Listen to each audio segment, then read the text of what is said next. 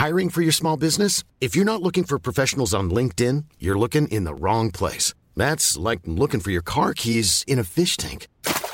LinkedIn helps you hire professionals you can't find anywhere else, even those who aren't actively searching for a new job but might be open to the perfect role. In a given month, over 70% of LinkedIn users don't even visit other leading job sites. So start looking in the right place. With LinkedIn, you can hire professionals like a professional. Post your free job on linkedin.com slash people today.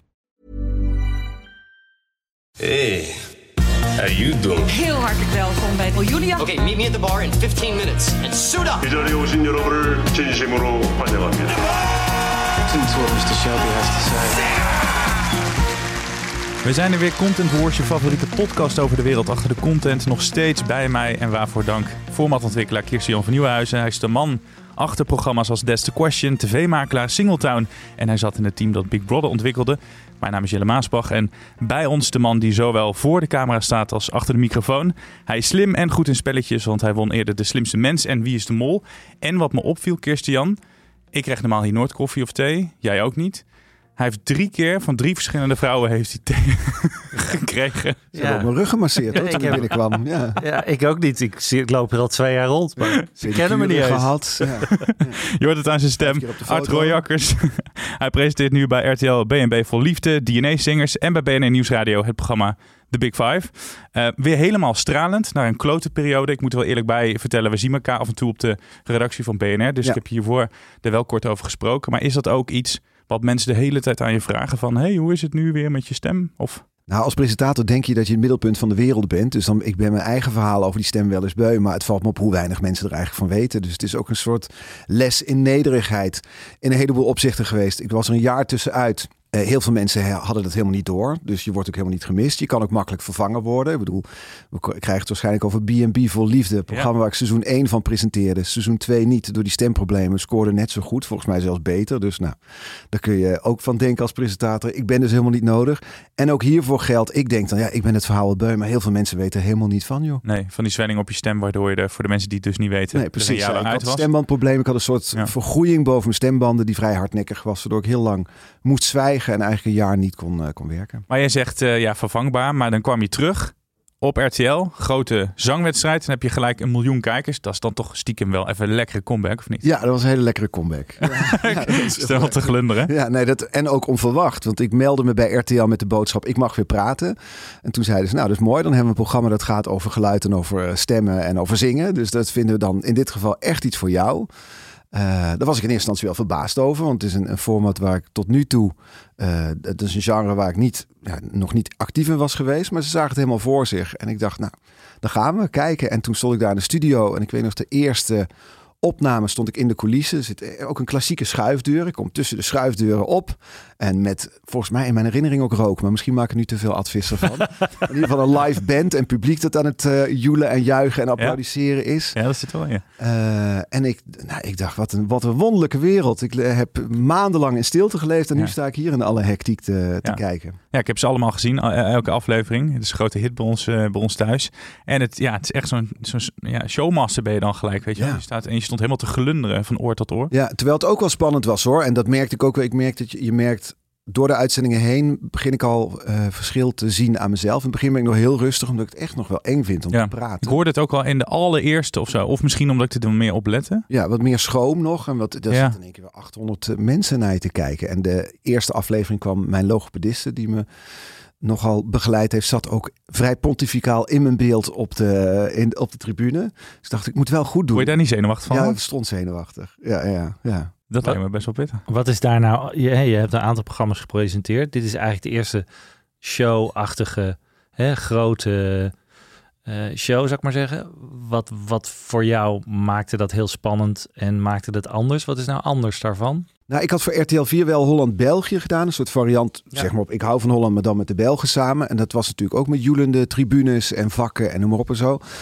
Eh, wat, en, en met een panel BN'ers, dat is dit ook. Maar wat dit anders maakt, is dit, dit gaat echt om de sfeer. En gaat om het gevoel, dit programma. Je wilt thuis meeraden voor het, mensen die het programma niet kennen.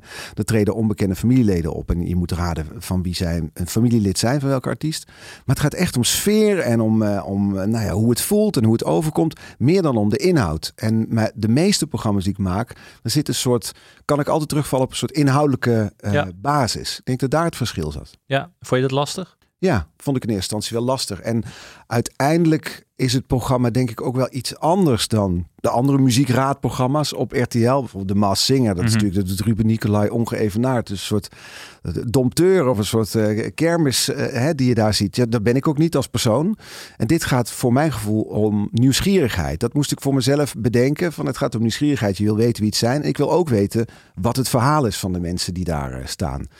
Dus daar ben ik dan naar, in die hele korte gesprekjes die ik mag hebben, ben ik dan naar, naar op zoek. Ja, dat begint met, die, eh, met het schot voor de boeg. Ja, En daarna eh, het, het raden zelf. Ja. Was je niet bang van, er zijn al zoveel raadprogramma's bij RTL. Ja, Zul je zien dat ik dat programma ga doen wat niet scoort? Maar ik had een jaar niks gedaan. Het is niet dat ik kon zeggen, nou nee, deze sla ik even over. Ja, Ja, dus natuurlijk, ik kwamen zij, is het spannend. kwamen zij naar jou toe van Art, we hebben dit format. Ja. Dit, Ja, en nou, in die zin, er was nog niet echt een format. Er was een, eh, het was in Korea in een, van de makers van de Maas Singer werd gezegd. En er was een eenmalige uitzending geweest. En die had het beter gedaan dan de Maas Singer. Kortom, dit wordt een gegarandeerde hit. Maar als je dat programma bekeek, ik weet niet of jullie die originele versie van de Maas Singer wel eens hebben gezien. Of, Ja. ja. dat is vrij hysterisch allemaal. Ja, Nou, best wel, ja. Dit toepte er nog eens overheen, kun je wel zeggen.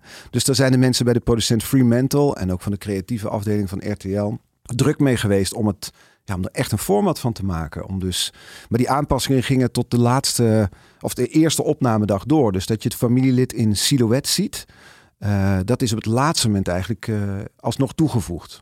Eh, dus waar was ik eigenlijk? Ik zit weer zo lang te lullen. Dan krijg je dan, als je mag praten, dan blijf je Nou, hoe ze dan bij Oh, jou, sorry. hoe ze dan bij jou eh, uitkwamen. Oh ja, ze En- en vroegen dus, je wel, dit dus ze ja. zeiden van, nou ja, dit, dit is het format en ehm, eh, wil, ga je erover praten? Ja, en ik, ik dacht, omdat het met live muziek was, ik ben een enorme muziekgek, dacht ik, nou, ik vind het tof om, om te kijken hoe Ja. dat werkt en hoe dat, hoe dat gaat in zo'n studio en hoe dat werkt met die familieleden. En ik zag ook wel voor me dat het een soort de trots die ik voel als mijn dochters iets knaps doen. Weet ik, het, ik heb ze laatst op schoolplein moesten een optreden doen. Dan zit ik al te gloeien van trots. Laat staan dat je je dochter hebt die dan in zo'n enorme studio staat op te Ja. treden. Want ik eh, kan me nog herinneren, er was een meisje van 15 en dan merkte je wel de vader in jou die dan naar boven kwam, die haar even bij haar schouder pakte, want die was heel Och, zenuwachtig. die was zo zenuwachtig. Ze stond Ja. helemaal te trillen op de benen. Ja, die was En echt deed het supergoed. nerveus. Ja, bij de, bij de repetities ook. Dat kwam omdat ze- de kleindochter van Tineke Schouten. Ja. Thuis speelde ze achter een piano, kan echt mooi zingen.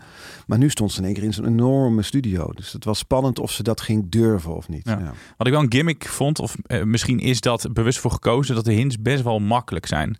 Ja, daar is heel lang over. Dat eh, zelfs ik wordt het raad de hele tijd, zeg Ja, maar. en er zijn er zelfs eh, uitgehaald. Eh, dus Ja. de- je kreeg in de studio soms meer hints dan we in de uitzending laten zien. Dat was echt een zoektocht van ja, hoe makkelijk of moeilijk moet het zijn.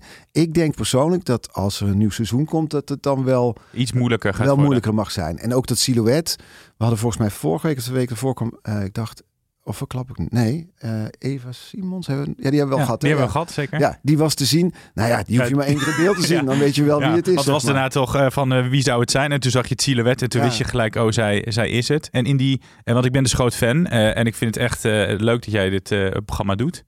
Ehm, dat je al af, af en toe al in de coming up ziet van, oh ja, dat is degene die als tweede gaat. Of dat is degene Oh ja? die als derde. Je hebt het Dat al door, dat- bedoel je thuis? Ja, dat het zo gemonteerd is qua coming up. Dat het Ja. jammer is dat je al hints doorgeeft wie Ah, van ja. de drie dan doorgaat. Ja, dat was ook de nog- kritiek. Ja, er valt echt nog wel te leren. Het is echt een eerste seizoen. Dus het, een heleboel dingen vallen de goede kant op. Eh, maar er zijn ook wel, ik vind dat er wel leerdingen in, leermomenten in zitten. Want En- alleen al ook bijvoorbeeld, daar had jij het al over, het decor. Eh, Ja. Jij vond het heel lelijk volgens mij. Ja. Ik sprak je Ja. bij BNR achter Ja. de schermen. Zei, wat een lelijk decor.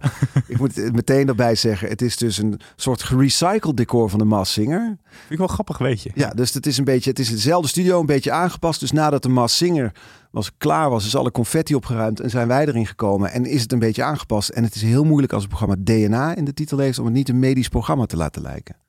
Ook in decor. Ja, want je zag dat ronddraaiende DNA-stukje Ja. zag je voorbij komen. Wat me dan wel weer leuk lijkt. Volgens mij is het heel moeilijk voor zijn eerste seizoen om mensen te vinden. Er zaten wel echt pareltjes tussen. Bijvoorbeeld dat neefje van Monique Smit. Die volgens mij salesgast was en fucking goed zong. eh, en die dan heel droog daar staat, dat je dat soort pareltjes uit de familie vindt. En nu word ik dus gebeld eh, door bekende eh, zangers of zangeressen. Ja? hey, ik heb het programma gezien, hartstikke leuk. En ik heb een neef, die kan echt hartstikke goed Hm. zingen. Dus mocht er een nieuw seizoen komen, zo werkt dat dan toch? Ja. En komt dat eh, nieuwe seizoen er? Ik weet het niet. Volgens mij is wel het idee dat er nu gekeken wordt of er mensen eh, gevonden kunnen worden die mee willen doen. Daar hangt het natuurlijk voor een groot deel van af. En het doet het hartstikke goed. Maar voor de officiële go moet nog gegeven worden. Maar ik zit er wel een beetje op te hopen. Heb je nou zin eh, bij RTL? Ja, ga ik nu nee zeggen? Want ik, Dat zou wel nieuw zijn. Ik hoop het in de camera. vraag, Jelle. Ik vind er geen zak aan. nou ja, nu weer wel. Ik vorig jaar niet, maar dat was omdat ik thuis Ja, zat. En, ehm, Wat is er anders om eh, bij een commerciële omroep te werken en bij de, Ja, dat was een betere geweest. hè, bij de NPO? Heel veel. Echt heel veel. Dus Ja. Noem eens wat. Nou, de mensen van RTL zeiden tegen mij: je moet bij RTL landen als je overkomt. Ik heb ooit in een heel ver verleden eh, bij Net 5 gewerkt. En toen ben ik naar de, naar de publieke toe gegaan. En nu dus weer terug naar de commerciële. Dus ik dacht, ik heb wel de ervaring van bij een commerciële omroep werken. Maar Net 5 is wel een beetje, als je dat vergelijkt, hoe leuk en eh, leuke programma's wij toen ook hadden. Maar dat is qua budget en zo'n beetje Heracles. En dan is RTL 4 is dan wel eh, Ajax. Maar RTL 4 heeft natuurlijk een enorme bak presentatoren. Ja. Dus daar wordt, ik neem aan, ook gevochten om hè, wie mag wat presenteren. Al doen jullie, kunnen jullie daar zelf niet zo heel veel aan doen. Ja, Neem dat vechten wacht, valt dus wel mee. Want Nee. ja, er wordt ergens Het besloten. wordt besloten, ja. Ja, Maar ja. heb je dan niet het gevoel van, ja, ik, ik zit in zo'n grote bak met allemaal hele grote vissen. Wanneer... En nu, nu heb je, mag jij een mooi programma doen. BNE Vol Liefde is natuurlijk een waanzinnige hit. Dus daar kom je ook mee terug. Zijn er dan, staan er nog andere dingen op het programma waarvoor jij, waarvan jij weet, daar maak ik een goede kans? Eh, Of dus heb je er tijd voor, is ook de vraag natuurlijk. Maar programma, ik bedoel, of er nog meer programma's Ja, komen die ik ga doen. Ja. Eh, ja, dat is, ja, dat is wel de bedoeling. Ehm, maar ik ben, want ik ben nu bijvoorbeeld bezig met rooijakkers over de vloer. Eh, ja, dat was er ook nog natuurlijk. ja, dat was er ook nog. En het lag wel een jaar stil. En Het lag één keer, maar ook over vervangbaarheid. Ik, ik heb één keer, was, had ik corona bij rooijakkers over de vloer. En toen stond er opname gepland. En we waren heel dicht tegen de uitzenddata Oh ja. aan het opnemen. Eh, omdat, je omdat we actueel willen zijn. En toen werd gezegd, ja, we kunnen niet wachten, we kunnen niet schuiven. Toen heeft Ewout Genemans een aflevering eh, overgenomen. Dan is het wel zo dat je als presentator, het is misschien heel acollegiaal, maar als dat dan de best bekeken aflevering van een seizoen wordt, is toch kloten. Was dat het? Eh, nee, dat was gelukkig dus niet zo. ja, nee, zo werkt het. Dus in zoverre is het vechten om formats of, maar je moet je, ja, dat heb ik wel geleerd, niet de illusie maken dat je onvervangbaar bent. Op En wij, noemen dat een Matthijsje. Martijn, ja, dat is Ja? het inmiddels, hè? Nee hoor, dat verzin ik hier bij deze. Ja, ja, zelfs hij is vervangbaar. Shout-out naar Matthijs, want ik vind het lullig dat het allemaal zo gelopen is. Maar natuurlijk, ik heb met hem gewerkt. Maar eh, je ziet ook dat hele grote presentatoren natuurlijk gewoon eigenlijk ook vervangbaar zijn. Ja. Iedereen is in die zin vervangbaar. Ja. Eh, maar ja, eh, dat is eigenlijk, je moest landen bij RTL. Ja. En hoe lang heeft dat geduurd? Nou, dat heeft wel een poosje geduurd volgens mij. Ik kwam. Eh Twan Huis was mij voorgegaan. Daar kwam ik een beetje achteraan. Het eerste, eerste jaar Dat ging. was geen succes. Twan Huis is een drama natuurlijk. Ja. Als je Ja. daar... Ja. Terwijl mijn eerste jaar ging echt wel goed bij RTL. Ik had een reportageprogramma. Iedereen had het erover. Over nieuws waar, waar we op terugblikten. Royx over de vloer begon meteen.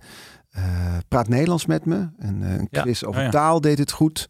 Dus dat was allemaal een, eh, nou, een, een lekker begin. En toen had ik, eh, ging Twan inmiddels weg. En toen was ik gevraagd om de zomervariant, de, de opvul zeg maar, van de zomer te doen. Zomer met Art. Nou, dat was geen succes. Dus het gaat ook een beetje in pieken en, eh, pieken en dalen. Ik denk dat daarna, het jaar daarna, ik op een gegeven moment wel het gevoel had van ik begin het nu te snappen. Maar ik snapte soms niet helemaal. Ehm, ik had op een gegeven moment bij Avrotros wel door waarom een programma wel of niet eh, door kon gaan. Of waarom mensen daar enthousiast over werden. Of dat het in een stoffige la verdween. En bij RTL vond ik dat nog moeilijker. En ik heb het idee dat ik dat nu een beetje begin door te krijgen. Het lijkt me ook gewoon wel heel erg pittig. Je, je bent natuurlijk je, beroemd, je bent eh, geliefd, maar dat je dan een jaar eruit kan liggen of dat je door corona vervangen moet worden. En dat je dan altijd bezig bent met, oeh, ik hoop niet dat diegene beter scoort. Of, eh, het lijkt me ook best wel pittig. Echt Ja. een psychologisch dingetje is het, het presenteren natuurlijk. Ja, dat wel. En aan de andere kant eh, had ik ook niet de illusie dat de wereld stopt met Nee, en je kan heel goed relativeren Maar natuurlijk. dat, dat na is door dat jaar niet nog, dat is nog wel duidelijker Ja. geworden inderdaad. Ja, en en wat- ik vind vooral voor, ja, dat klinkt zo, zeggen alle presentatoren, maar ik vind dat ik echt leuk werk heb. Ehm, maar het is niet het idee dat al, ik heb niet het idee dat niet ik DNA-zingers presenteer, maar pff, Marieke Elzinga, dat het dan een, een minder goed programma wordt of zo. Ja. En je hebt die combinatie van radio en tv. Ja. Dat is ook wel leuk. Waarom heb je daarvoor gekozen? Nou, ik had ook over landen bij RTL. Ik werkte bij Avrotros, deed ik ook radio. Dus NPO Radio 1 presenteerde ik bij één Vandaag. En ik miste wel toen naar RTL toe kwam dat radio... eh, nou, wat jullie hier ook doen, is een podcast. Gewoon achter een microfoon zitten. En ook het inhoudelijke. Dat kon ik wat minder goed kwijt in de... In de nou ja, dat wat ik bij RTL aan het doen was, in die programma's. Dus bij BNR, dat is echt een hardjournalistiek programma dat ik daar presenteer. Dus we hebben één thema en dan vijf interviews van een uur. Dus dat is eh, een voorrecht om dat te mogen doen. Doen met allemaal van die eh, deskundigen. Ja. Wat, wat heel veel mensen misschien niet van je weten, is dat jij bent begonnen achter de schermen. Ja. Eh, in de redacties. En wan- wanneer heb jij die overstap gemaakt? Wat was, wat, wat, wat was de reden daarvan eigenlijk, dat je voor de camera's ging? Eh, ik werkte achter de schermen als verslaggever en als eindredacteur. En zo had ik ook voor Expeditie Robinson gewerkt. Toen nog met eh, Ernst Paul Hasselbach als presentator. Ja, En eh, zij, zij gingen toen een programma maken, Peking Express, waarbij je liftend van A naar B ging. En ik vond het zo'n. Hij zei: We gaan de zwarte gaten van de wereld in, in kaart brengen. Ik vond het zo'n fantastisch format en zo'n mooi idee. Ik moest mee. Eh, maar ik, dat kon toen niet, want ik eh, moest Expeditie Robinson monteren. En toen zei ik, nou, volgend seizoen, als het een hit wordt, moet ik erbij zijn. Al moet ik je handdoek wassen, ik moet erbij zijn. En toen belde Ernst Paul een paar maanden daarna dat hij dat programma, wat hij ook presenteerde, niet wilde doen. Want net een jong eh, een, een kind gekregen. En of dat niks voor mij was. Zo is het eigenlijk gegaan. Eh, en toen dacht ik in eerste instantie nog nee. Want ja, waarom, waarom zou ik dat doen? En toen zei Ernst Paul, als je nu nee zegt, word je waarschijnlijk nooit meer gevraagd. En als je ja zegt, het ergste wat je kan gebeuren is dat je afgaat. Vergeten mensen ook wel weer. Dus probeer het gewoon. Dus ik weet nog dat ik, ik kan me die tekst ook nog letterlijk herinneren. Dus we gingen mm, in mijn eerste seizoen van Peking naar Bombay liften. En de Vlaamse presentatrice was Roos van Akker. Daar had Ernst Paul ook mee gepresenteerd. Die had volgens mij ook niet helemaal doorgekregen dat Ernst Paul het niet presenteerde. zag die, ziet hij er al dus uit? Die Ja. De kledingsponsor ook niet. Dus ik had, eh, de kleding was nog voor Ernst Paul. Hij was een hele grote donkere man van een meter of twee. En je kan veel over mij zeggen, maar dat ben ik niet. Ik ben een, klein men, een kleiner manneke. En eh, Ernst Paul ging, ging die eerste dagen nog mee om ja, mij te coachen. Want ik had natuurlijk echt geen idee wat ik moest doen. Dus met hem heb ik toen de hele nacht de openingstekst eh, zitten oefenen. Ik sta hier boven op de drumtoren in Hartje Peking. Vorig jaar eindigde hier een krankzinnige race. En ook dit jaar staan acht duo's klaar voor het avontuur van hun leven. Nou zo. En die moest ik helemaal in zijn intonatie stond ik die te doen. Dus als je die opname terugziet, zie je daar dus mij, eh, wat is het, 25, 20 jaar jonger, in veel te grote kleding, de tekst van Ernst Paal te doen in zijn kleding, met totale doodsangst in mijn ogen. Dus dat was het begin. Ja. En is toch eh, goed gekomen? Ja, ik weet niet hoe dat. Nou, ik denk dat het kwam voor dat programma gingen we dus zes weken op reis. En Ernst Paul was toen een week mee, toen ging hij weg. Want hij ging uiteindelijk met Remco van Westerlo naar Talpa 10, de zender. Dus ze lieten ons ook maar een beetje ons gang gaan. Dus ik zat daar met een half Vlaamse crew die ook geen idee hadden wat ze met me aan moesten. En Roos die ook dacht, ja, nou dan zal ik hem een beetje in de hand nemen. En zo heb ik ja, vijf, zes weken lang kunnen oefenen. En als presentator kwam weer dat programma ook weer niet zo heel veel in beeld. Dus zo heel veel fout kon je ook weer niet doen. En bij BNR kan je dus echt met de inhoud bemoeien. Dat je echt, eh, nou, het zijn echt eh, boeiende gesprekken die je daar voert. Hoe zit het bij eh, tv maken? Kan je dan bijvoorbeeld ook met creatieve bemoeien? Je bent, vertelde je net bij DNA Singers erbij gevraagd. Heb je dan nog zeggenschap van, nou, ik zou bijvoorbeeld dat silhouet, ik zou daarvoor kiezen? Of Ja, nou, of ik zeggenschap niemand moet naar mij luisteren of zo. Nee, Ik maar mag je- graag mag je mee bedenken? Ja, Ja. dat wel. Ik denk graag mee. En er zit bij, de, bij RTL, zoals het nu werkt, ik weet niet of dat vroeger ook zo was, maar nu bij de creatieve afdeling denkt over heel veel nieuwe vormen, wordt er tegen aangeplakt. Dus half de beurs zit daar nu. Eh, en dat denk ik graag dan, als het over mijn programma's gaat, denk ik mee. We komen nu terug met rooijakkers over de vloer. Eh, wordt er ook nagedacht van hoe kunnen we zorgen dat het programma weer een soort nieuw elan of een nieuwe boost krijgt. Dat, zijn dan wel, dat vind ik wel mooie meetings. Mag je Ja. daar al wat over zeggen?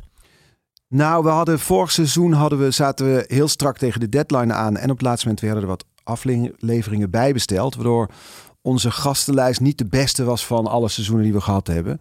Dus daar, nou, uiteindelijk is casting heel belangrijk. Dus daar zijn we heel hard mee bezig geweest dit seizoen.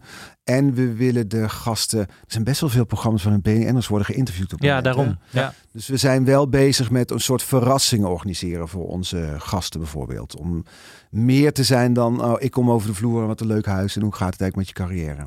Eh, en jij zegt het al, er zijn er heel veel programma's. Dus hoe kan je dan toch nog een invalshoekje verzinnen waardoor je net iets anders bent dan al die andere honderden interviewprogramma's waarin Duizenden BN'ers... mij inmiddels. Honderdduizenden Ja. interviewprogramma's. Nou, het- ik denk uiteindelijk het verschil bij ons is dat we bij iemand thuiskomen en het is één op één. Dus bij al die anderen, ik vind Boerderij van Dorst fantastisch.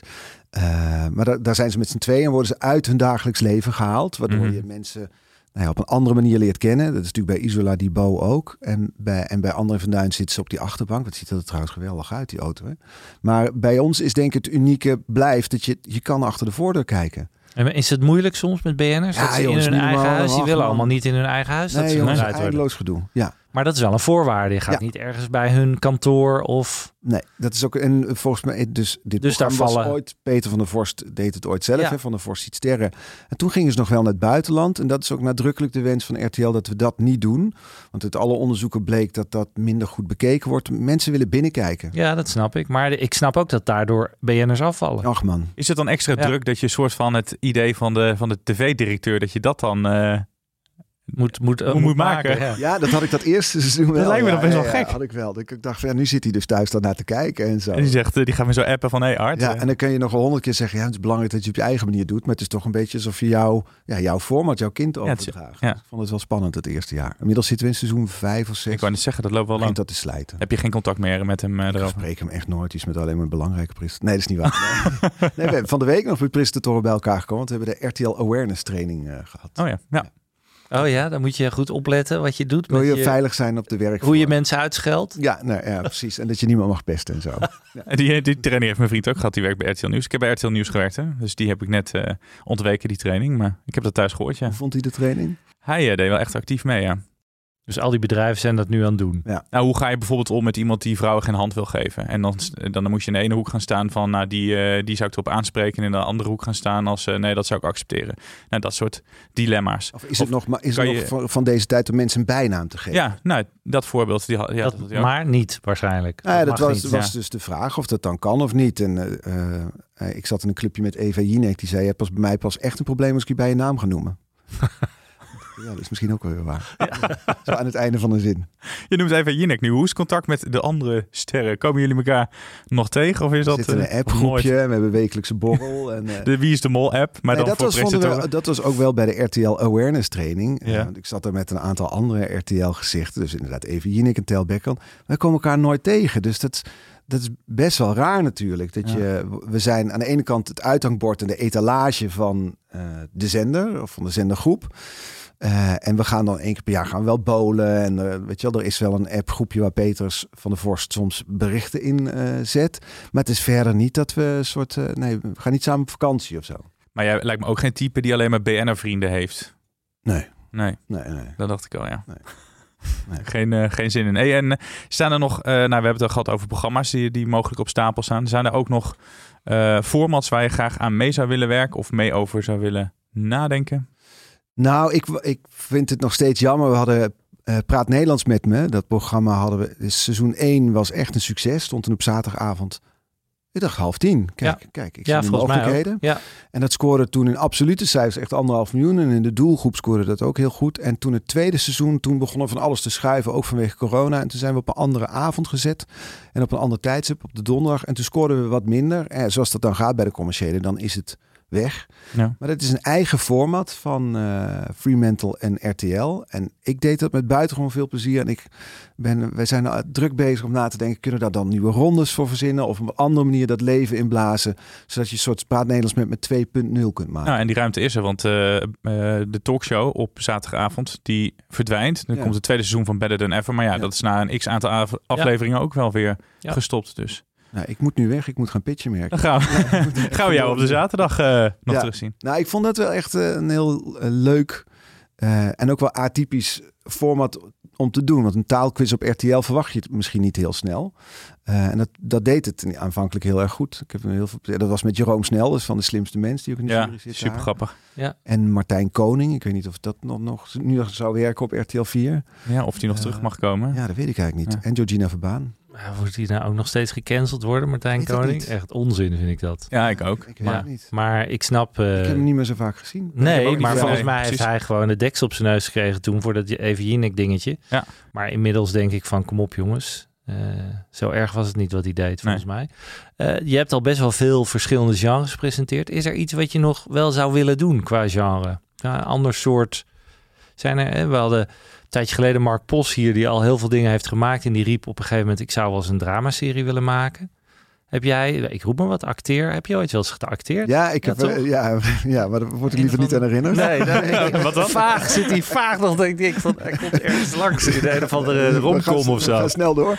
Eh, nee, ik zou heel graag. ehm, als, ik eh, zou mijn carrière, voor zover ik kan spreken, carrière is ook zo'n raar woord, maar ik zou dat wat ik doe als geslaagd beschouwen als ik ooit in mijn leven zoiets kan- zou kunnen maken als The Defiant Ones. Ik weet niet of je dat kent. Het is een vierdelige documentaire serie op Netflix over twee muziekproducers. Oh, natuurlijk. Ja, Ja, ja, over ja. Dr. Dre en, Jimmy Iovine. Ja, Oh ja, Jim. En het is Ja. zo fantastisch gemaakte serie. eh, en zeg, dat soort muziekdocumentaires Ja, weer muziek dus, ja. Ja, dat mis ik echt. eh, ook bij Nederlandse streamers en ook op, eh, op zenders. Daar, daar zou ik heel graag nog iets in willen doen.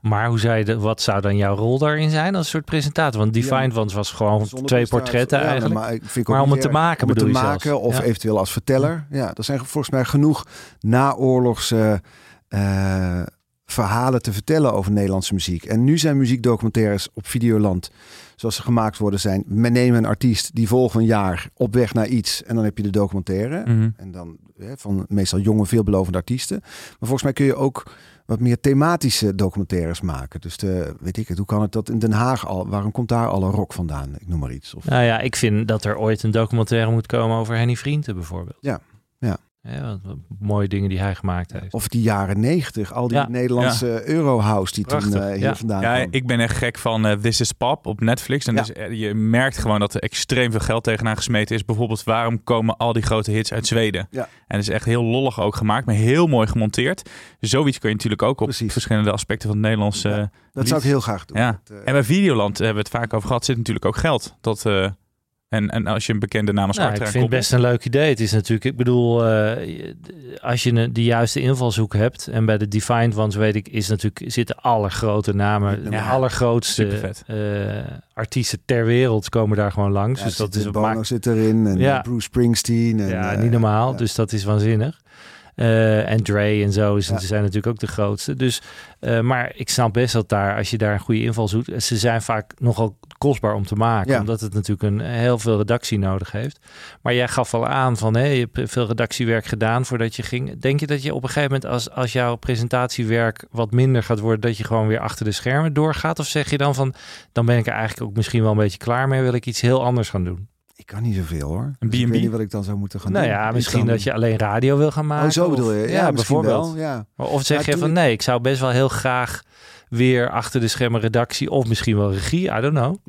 En wat ik deed toen ik die, met die stem zat en eh, het duidelijk was dat het langer ging duren, heb ik me gemeld bij RTL met de boodschap: ja, ik kan niet praten, maar ik kan nog steeds wel werken. Dus toen ben ik als, eh, dat heet dan commissioning editor voor eh, Videoland aan de slag gegaan om programma's te begeleiden. Eigenlijk deed ik dat bij Net 5 eh, ook. Dus daar werkte ik als presentator en begeleid ik ook programma's. Dus dan zat ik thuis ehm, programma's te, te viewen en van feedback te voorzien voor de producent. Dat vond ik ook een mooie manier om in ieder geval eh, toen mijn bijdrage te leveren.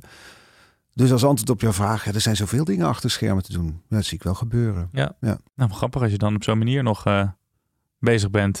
Ja, ja. zat ik eh, dus de, de serie van Daniel Vlaam bijvoorbeeld, ik weet je wachtwoord. Ja, Die eh, kwam Die op- geweest, eh, die, die zat ik dan, was ik dan ja, aan het begeleiden, aan het bekijken. Ja. Wordt er nu, want hè, jullie, de cijfers van DNA-zingers was, waren heel goed en zakte iets in op een gegeven moment. kwam er wat meer kritiek ook.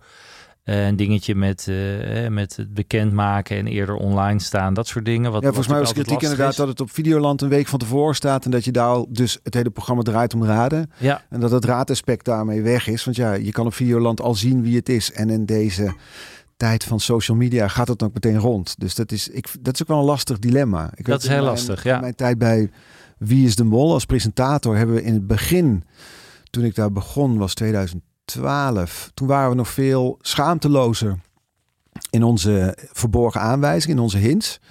Ehm, en ik weet nog dat we bijvoorbeeld in Zuid-Afrika waren. Toen was Kees Tol de mol.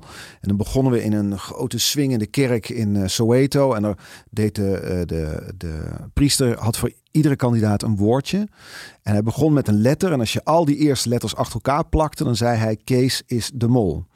Ehm, dat hadden mensen op een gegeven moment door. In aflevering 4, 5, als iemand die dan frame voor frame zit terug te kijken, dat online plaatst en dan voep, gaat het als een lopend vuurtje. Dus die hints zijn in mijn tijd in ieder geval, ik weet niet hoe ze het nu doen, eh, veel diffuser geworden. En volgens mij geldt het dus ook voor DNA Singers. Het is natuurlijk, ik snap heel goed dat Videoland het er al opzet, want ja, je wil mensen ook waarvoor hun geld geven, maar voor het lineair gedeelte is het wel ingewikkeld. Ja, nee, dat is het lastige. Ik zou niet weten wat de oplossing daarvan Nee. is om eerlijk te zijn. Maar jij geeft ook aan, het, het format is eigenlijk nog heel erg bedacht vlak voor de eerste, het eerste seizoen, door jullie vooral. Eh, ik neem aan dat voor het tweede seizoen jullie aan het kijken zijn, wat kunnen we weer aanpassen? Ja, zeker. Eh, kan je daar al iets van het tipje van de sluier oplichten? Dat je zegt, we zijn daarnaar aan het kijken? Of... Ja, volgens mij zit het hem dan vooral in het fine-tunen. Eh, en er is, er is wel lang gesproken dit seizoen ook over... willen we drie of vier kandidaten per aflevering? Dat er wat meer snelheid komt. Ja, en het is nu drie, waardoor het echt een rustig programma is. En die gesprekken gaan wel.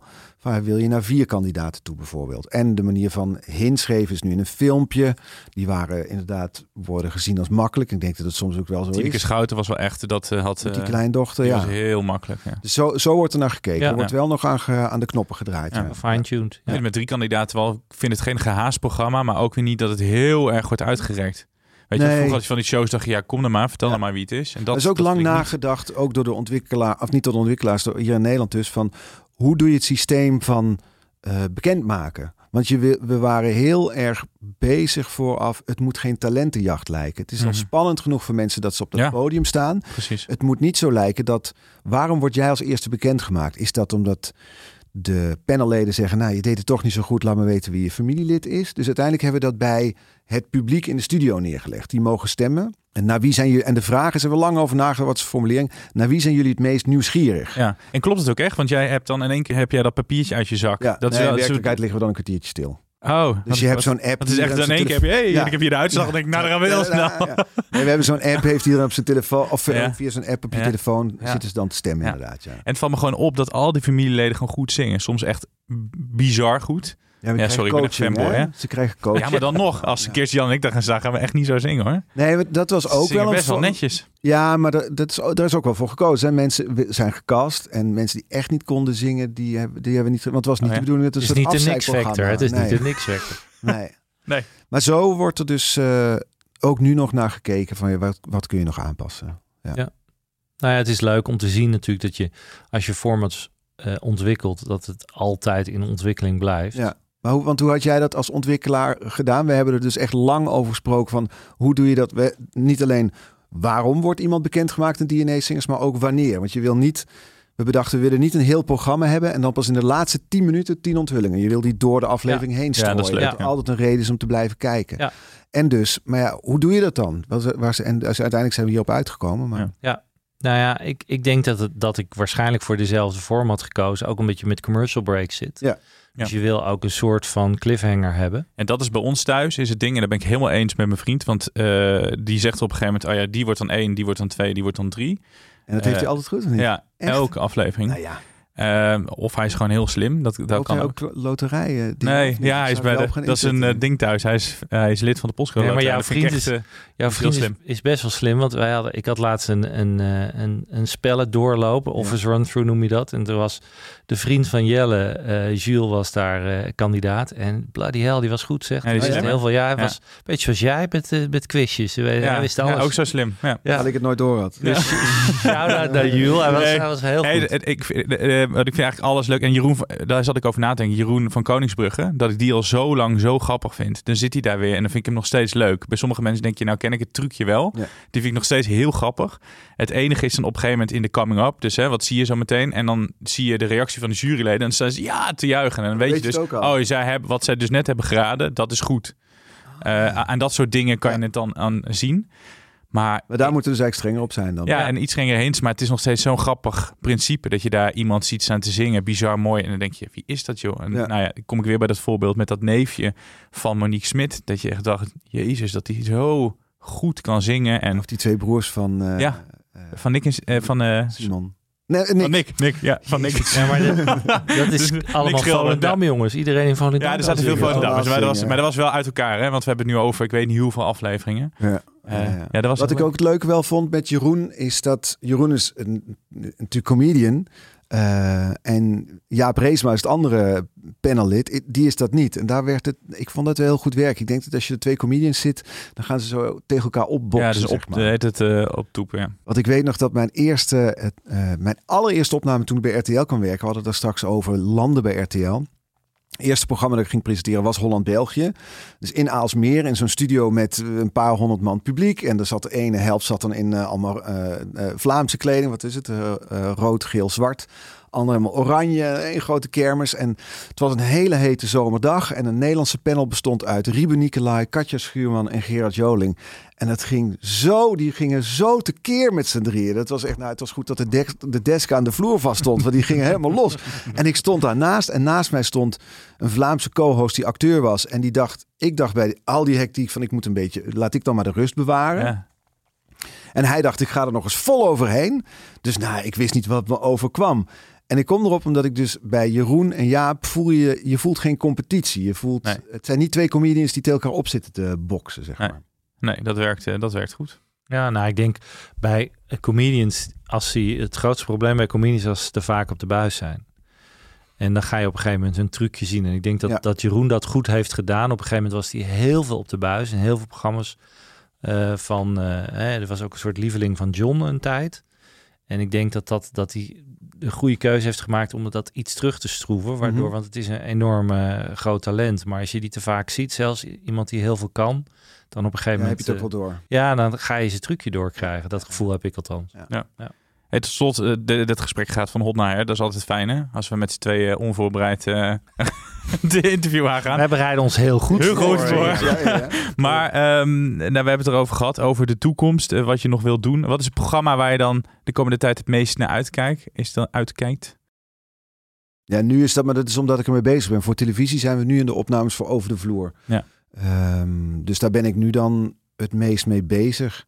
Kan je al verklappen wie je over... Kan je dat al zeggen of, niet? of mag dat Nee, niet volgens mij niet, maar gisteren was ik bij eh, Leonie ter Braak bijvoorbeeld. Maar dat mag ik nou helemaal niet zeggen. bij deze? Ja, dus, en dat was echt een leuke draaidag. Zij is net bij RTL gekomen. Zij is leuk. Ja, leuk zij is mens. leuk. Leuk mens. Ja, Ja, is leuk. Heel leuk. Ja. Echt, eh, echt, eh, echt leuk. Willen we best wel een keer in de show hebben. Dus Ja. als ze luistert.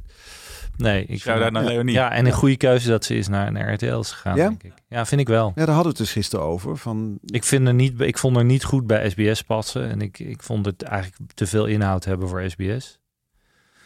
Dus dat zegt ook iets voor SBS. Ja. Statement. Onze favoriete zender. Ja. Eh, dus ik vind dat een goede keuze. Al, eh, al is natuurlijk, ja, het, het, er zitten gewoon heel veel goede presentatoren bij, eh, bij RTL. Dus het zal ook best lastig zijn jij voor zegt haar. nou twee keer heel... Jij vindt te veel, hoor ik dan aan jou, of niet? Eh, nou, nee, niet. Ik vind niet te veel. Maar ik snap me. Ik snap wel als je daar zit als presentator. Dat, dat er heel veel mensen een programma moeten hebben. Mhm, Die allemaal talentvol zijn. mhm. En dan zit je vaak. Is het natuurlijk makkelijker als je bij een zender zit waar niet zoveel Ja. talent zit. Dus Ja. de- ik kan me best voorstellen dat zij gewoon. Ja, ik bedoel, Peter zit daar met een aantal andere mensen. En die denkt, nou, wie zullen we nu? Dit programma nou maar eens Ja. geven? Want we, ze kunnen kiezen uit zeker een man of tien, denk Ja. ik, die echt wel heel eh, goed kunnen presenteren. Mhm. Ja, klopt. Ja. Dus dat is, ik kan me voorstellen dat dat als presentator best spannend is. Ja. Maar goed, En tegelijkertijd, eh, dat dit, want het is zeker zo, en tegelijkertijd is het ook, eh, voelt RTL als het hoofdpodium. RTL 4 dan. is het ook. Eh, dus ja. wil je, daar wil je dan ook als presentator, als je ook Nou, maar een ja. beetje profileringsdrang en eerzucht hebt, wil je daar dus acteren en succes vieren. Ja, nou ja, goed. eh, Tina zegt dat natuurlijk vaak. RTL is bij far het best scorende zender. Misschien niet in totale, maar wel in, qua marktaandeel in het interessante deel. NPO 1 is natuurlijk ook leuk als Ja. je daar zit. En zeker met een enorme knaller. Dat vonden mijn ouders fijner toen ik bij NPO 1 zat. Waarom? Ja? Waarom was Ja, dat? dat zijn echt de NPO-kijkers. Oh, Die Dus vonden wat het- meer status hebben dan? Of Nee, zo? voor henzelf. Zij, zij, ik- dus ik, de- het knopje 1 op hun telefoon is het meest versleten van allemaal. Ah, dat zijn ja. echt van die verstokte NPO 1-kijkers die... het plus- en min-knoppetje dat je zo kan zappen. Dat kwam bij hen tot een paar jaar geleden, tot ik bij RTL werkte, niet voor. Nou, dat was ook toen ik voor RTL Nieuws ging werken. Zei mijn vader, oh, jammer, lukt het niet bij NOS? Echt waar? Ja, die keken alleen maar NOS. En mijn, mijn opa en oma, dus de ouders van mijn moeder, keken altijd half acht. Eh, En dat vond ik ook veel leuk. Ik vond dat de NOS, eh, vond ik echt eh bejaardenhuistempo, zeg maar. Ja, En Mijn vader zei dan net, oh wat jammer. En kan je dan niet naar de NOS? En toen ging ik bij RTL Z werken en dan zit een overstap naar de NOS in. En uiteindelijk is hij het gaan kijken en ook BNR gaan luisteren. En die is helemaal bij Radio bent één 1 grote weggegaan. teleurstelling. Ben je. Nee, hij, is hij, luistert nu elke dag lu- luistert hij ook naar BNR. Dus Ja. dat is wel goed gekomen. Maar ik herken dat wel van thuis. Ja. En mijn ouders ook BNR kunnen ze denk ik echt niet vinden. Nee, Nee? nee, nee. Ik weet nog wel, mijn, mijn, eh, oma, ze leeft niet meer. Ik ben ooit begonnen bij Nova, de actualiteitenrubriek. En had je toen nog, eh, had je dan, volgens mij begon het om half elf tot elf. En had je om elf uur kwam dan Ferry Mingelen, kennen we hem nog? Ja. Die ging dan Den Haag vandaag doen tot tien voor half twaalf. En toen, Were the Days, was er ook nog een aftiteling... waar dan de namen op stonden van mensen die een verslag hadden gemaakt. En toen was ik redacteur. Dan had ik dus meegewerkt aan een verslag van weet ik wie. En dan stond er dus mijn naam, kwam dan in beeld gedurende een seconde. Mijn oma had echt slaapgebrek in die, eh, in die paar Ah, in die jaar dat ik daar lief. werkte. Ja, Toen die bleef zat- het- ja, tot zat- ik het erdoor had en haar maar ging bellen van... oom, je kan echt naar bed nu. Ik kom niet in beeld. Ja, toch voor de zekerheid, jongen. Ik blijf toch zitten. Je hebt twee dochters. En wat eh, zou je het leuk vinden als die in de, in de media gaan en in de, voor tv gaan werken? Wat je vaak ziet natuurlijk, toch? Hè? Kinderen die... Nepo-baby's, hè? Ja, de een heel Ja. Nee, ik denk het niet om eerlijk te zijn. Nee, dat je het niet erg vindt of dat je het niet zo leuk vindt als het Ik zo zou het, niet, ik zou het helemaal niet aanraden. Nee, waarom? Nee. Nee. Eh, Vervelende wereld? Nee, ik vind, ik vind de, eh, als het lukt, is het een leuke wereld. Maar dus, eh, dus als, je, als het lukt om programma's te mogen presenteren, et cetera. Maar het is gewoon heel moeilijk om tussen te komen. Dus het is vooral ook een. Je Nou, moet niet als je vader eh, presentator Ja, is. dat eh, ik die kruiwagen voor ze Ja, dat bedoel ik. Ja, ja, ik had nul kruiwagen, dus ik weet niet hoe ik dat dan voor hen moet regelen. Nee, ik weet niet. Volgens mij zijn er manieren om je leven te leiden. Nee, nee, maar televisie is ook. Ze zijn nu, ze worden zes. Ik zit het denken hoe dan. Ik kan me niet voorstellen hoe het medialandschap erover. Wat is het, 15, 15, 20 ja. jaar Ja, uitziet. dat is spannend. Nou ja, goed, er zal altijd wel nog media zijn en streamers. Streamers, ja. Ja, dus er moeten altijd programma's gemaakt worden. En, en, en dames voor de camera, die Ja. zullen, zullen er ook moeten komen. Ja, dus nou ja. ja Dus ze, je- over- ze moeten het vooral zelf weten. Ja, Ze dat snap het nu- ik. Maar ik hou er rekening mee, hè, Ja, Hart? ja. Oh, jij gaat over 15 jaar ga je programma's maken. Voor de Royakkers. Royakkers tweeling. Ik, ik, weet, ik weet gewoon dat heel veel kinderen van, van eh, televisiemakers vaak ook in het vak terechtkomen. Ja. Ja, net zoals heel veel kinderen van advocaat, advocaat. Ja, ja, dat is ook niet zo raar natuurlijk. Nee. Als je er veel mee geconfronteerd Is dat wordt. lastig om daarmee te werken? Met kinderen van? Ja. Nou ja, de ervaring die ik heb, ik vond, ik heb heel lang geleden wel, wel met Johnny de Mol gewerkt en dat vond ik echt een harde werker. Hè, volgens mij wel eens eerder over gehad. Die was echt niet, eh, dacht van, eh, ik hoef niks te doen, want ik eh, komt een paar miljard mijn kant op. En papa die regelt wel. Nee, die, die buffelde echt hoor. Die was echt aan het knallen. Dus Mhm. en eh, De dochter van Joop van den Ende heb je meegewerkt? de dochter van Joop van den Ende vond ik heel capabel, Iris. En eh, heel correct. eh, hele goede producenten. En eh, ja, dus de ervaring die ik heb met kinderen van, over het algemeen, ja, vind ik we die wel kunnen aanpakken. Ja, dan ga ik ze drillen. Dan moeten ze gewoon die kant op. Ja, je moet ze kei en keihard drillen. ze zijn nu al zijn in de war als ze dan... Want iedereen die op televisie komt, die ken ik natuurlijk. Gaan ze vanuit. Dus dat is heel grappig. Maar ik begreep ook dat ze eigenlijk gewoon, ze worden rockster. Want jij, jij luistert, laat ze luisteren naar de Ramones. Ja, klopt. Ja, ja. Dat vind ik wel heel vet. Dus Ja. dat, dat worden gewoon hele rock chicks. Ja, laat het hopen. Alhoewel, als ik ze... Nou, en Goldband is ook wel een favoriet. Oh ja, dat is maar- leuk, Maar ja. blijft die fucking ambulance. Dat is wel heel leuk om heel hard mee te zingen. En dat nummer met Maan is ook een mooi nummer. Stiekem. Ja. Ja, ja, ja, dus daar zijn ze wel... eh, Alleen dan de kook even wegstoppen. Verder eh, wordt het dan leuk. Hebben ze dat gezien, dat hij aan het snuiven was? Of, eh, Nee, hebben ze niet gezien. Oh nee, nee. Dat is, ja. Nee, hebben ze niet gezien. Dus, ik, ik keek videoclipjes met ze toen ik niet mocht praten. Want ik dacht, ik moet een manier vinden om met ze te communiceren. Steek ik dan op die manier allemaal grappige muziekclipjes kijken. En er kwamen inderdaad ook de Ramones voorbij en van alles eh, bekeken. ja, leuk. Nou, goed om ze lekker hè, oude rock te laten horen. Ja. Helemaal goed. Ja, ja. Zou het hier werken? Dus Jan, ik vind het eh, leuk met jou natuurlijk. dat is eigenlijk iemand die ik liever aan tafel wil hebben. Dat is Lisette van Dit moet je ook elke week weer zeggen, vind ik. Hartstikke leuk. Je bent er weer. Hallo. Dankjewel. Vorige week hadden we het over België. Ja. Toen had je twee formats. Ja, nee, ik hou nu één. Oh. En we gaan even naar Denemarken met een format dat eh, van oorsprong Engels is. Eh, de makers van. eh, wij hebben natuurlijk jarenlang hier gekeken naar de Soundmix Show. Ik denk misschien dat er een heleboel mensen zijn die denken dat dat gewoon een Nederlands format is. Henny Huisman denkt het vooral. Ja, oké. En dat hij het zelf heeft bedacht. Dat roept hij nog steeds al 30 jaar. Maar wij Oh, weten beter. Nou, daar gaan we weer. Nee, Ja. nee ehm, dit is van oorsprong een Engels programma, Stars in Your Eyes. En van die makers komt een nieuw format, dat heet Starstruck. En eh, dat is vorig jaar in februari al gelanceerd eh, op ITV. En eh, een tweede serie schijnbaar in de maak, ook weer voor ITV. Eh, ik had het idee dat het ook al verkocht was, in ieder geval geopteerd of ge- ge- genoemd dat het zou komen in België. Maar het, het gaat in ieder geval door op eh, DR, de oudste eh, zender in Denemarken. En in Starstruck gaan we kijken naar vier teams van drie mensen. Die allemaal getransformeerd worden in hun eigen idool. Dus we krijgen drie keer Elton John tegen drie keer ehm, eh, Whitney Houston. eh, nou ja, eh, noem ze maar op, Amy Winehouse.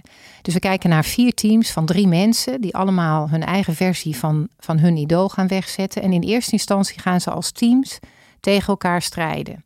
Dus we krijgen de Eltons tegen de Amy's. Krijgen we drie verschillende Eltons eh, tegen drie verschillende Amy's die wel hetzelfde nummer zingen. Ja, dan gaat er een jury eh, twee teams eh, laten gaan. En van de overgebleven twee teams gaat er uiteindelijk één winnaar strijden tegen een andere winnaar. En dan komt er toch een geldprijs uit.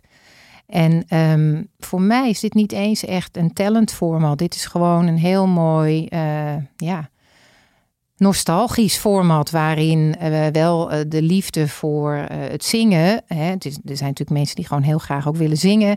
Maar zij willen ook in de huid kruipen van hun idool. En verkleedpartijtje komt erbij kijken. En uiteindelijk, ik keek naar de trailer destijds. Binnen 15 seconden zit je erin. Het is gewoon heel fijn eh, vrijdag, zaterdagavond entertainment voor het hele gezin.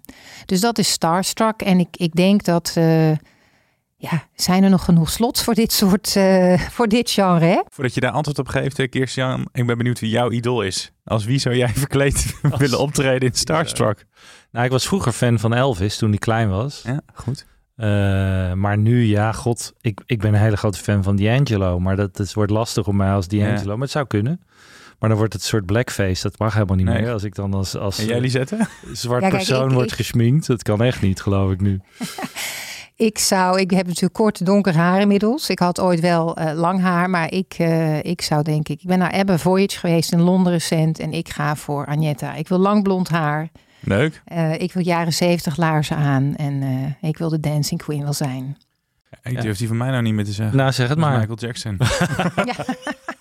nou ja, dan hoef je in ieder geval niet meer zwart te Nee, dat hoeft niet eh, moet je wel iets aan je neus doen. eh. Hey, maar er wordt toch gelijk over gepraat. Dus dan Ja. zit er wel wat leuks in het Ja. format. Merk Ja. ik al gelijk. Ja, kijk, het lastige bij dit format voor Nederland is dat Tribute of the Bands natuurlijk het een beetje heeft weggemaaid, hè, het gras voor de voeten. Het heeft Want- vernacheld. Hè? Eh, vernacheld. Iedereen was heel enthousiast over Tribute of the Bands. Ik, ik vond het niet zo sterk. Het enige wat het werkte volgens mij was dat die Elvis dus heel goed was. Ja. En plotseling vond iedereen het fantastisch. Maar dat ging gewoon om de, om de deelnemer die goed was. Het, ga- het gekke is bij Tributes of the Bands is dat de mensen die steeds winnen is helemaal geen band, maar is gewoon één persoon. Want Elvis is ook nooit een band geweest natuurlijk. Maar goed, zwaar.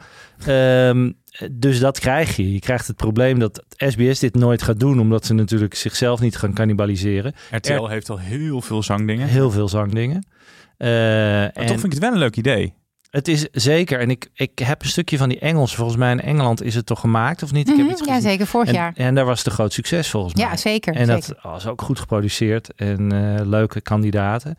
Dus ik snap wel. Ik denk dat ik vind het persoonlijk een veel leuker idee dan Tribute of the Bands. Ja. Als ik heel eerlijk ben. Alleen, eh, en misschien is dat mijn eh, manco. Ik denk nu de hele tijd op dit moment is het te veel. Maar we zouden natuurlijk ook naar het volgende tv-seizoen kunnen kijken. Of, of later dit jaar. Dan zou je het misschien wel kunnen programmeren. Ja, deze is vrij tijdsloos, toch? Toch, Dus ja. eh, Ja. laat het eerst in een aantal andere Europese landen weer een succes worden. En dan kan het altijd hier terugkomen Ja. weer. Nou, dat zeker. Ehm, het zou. Ik, eh, persoonlijk denk ik niet dat RTL dit gaat doen. Want ik weet dat RTL nooit iets gaat kopiëren wat op SBS loopt. Dat, zou, dat is toch een beetje boven hun, eh, of onder hun stand, denk ik, zo gevoelsmatig. Misschien NPO, maar de vraag is: gaat NPO nog dit soort grote eh, amusementsprogramma's waar eigenlijk weinig maatschappelijke relevantie in zit? Want eh, Elton John nadoen is niet heel erg maatschappelijk eh, belangrijk, lijkt me. Dus ik vraag me af of er voor Nederland ruimte is. Maar ik snap dit soort formats altijd. Kijk, het leuke is natuurlijk dat wij, dat wij Art Royakkers hebben nu. En eh, ja, die heeft natuurlijk een zangprogramma. Daar hebben we het ook al over gehad. Ja. Dus ja, het, het speelt ontzettend. Eh, maar er wordt wel gezegd, zijn er niet veel te veel zangprogramma's. Ja, dus ja, ja. Ja, voor mij, weet je, ik noemde hem omdat eh, ik, ik vond hem destijds, toen een jaar geleden eh, gelanceerd werd, al superleuk om te zien. Als je naar de trailer kijkt, inderdaad, je ziet binnen, je zit, zit, er, heel, je zit er heel snel in. Je wordt heel snel enthousiast.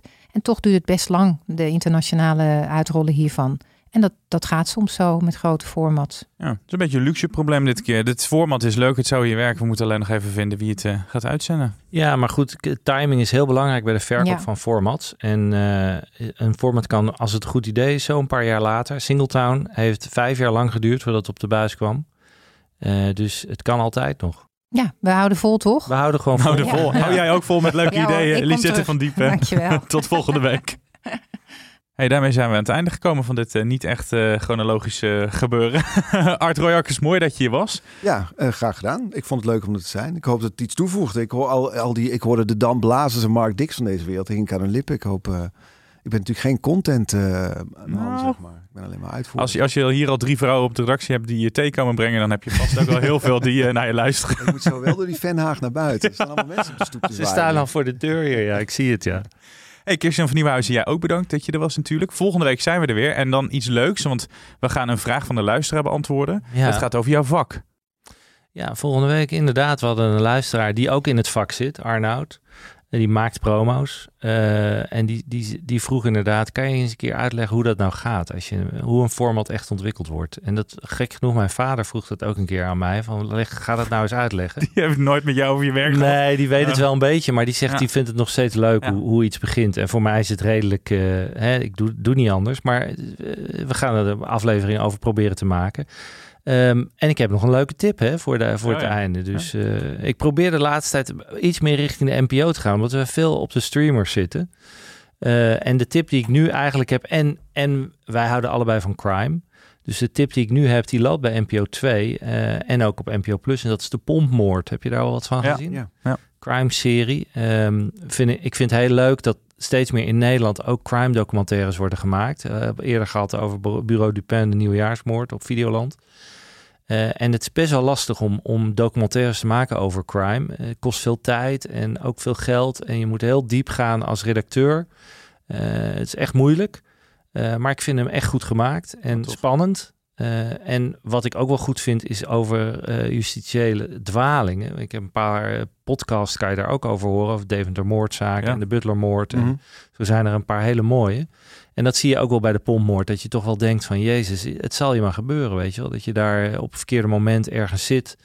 en vervolgens gewoon een, een moord aan je broek krijgt. Dus ik vind het echt wel een aanrader. Ik hoop dat dat ook, daar roep ik het nu hier ook... ook al heeft geen enkele zin wat ik roep volgens mij. Maar ik vind nog steeds wel leuk om gewoon dat dat gebeurt... en dat, dat we steeds meer van dit soort documentaires krijgen. Dus daarom wil ik hem ook een beetje noemen... en hoop dat mensen naar gaan kijken. Dus eh, de pompmoord. Bij deze. Misschien kan je dat een keer voor SBS-programma's gaan doen. Dan gaan ze daar naar kijken. Ja, nou ja, de wonderen zijn de wereld nog niet uit, eh, Jelle. Wie weet. Ja. Dankjewel. En tot volgende week.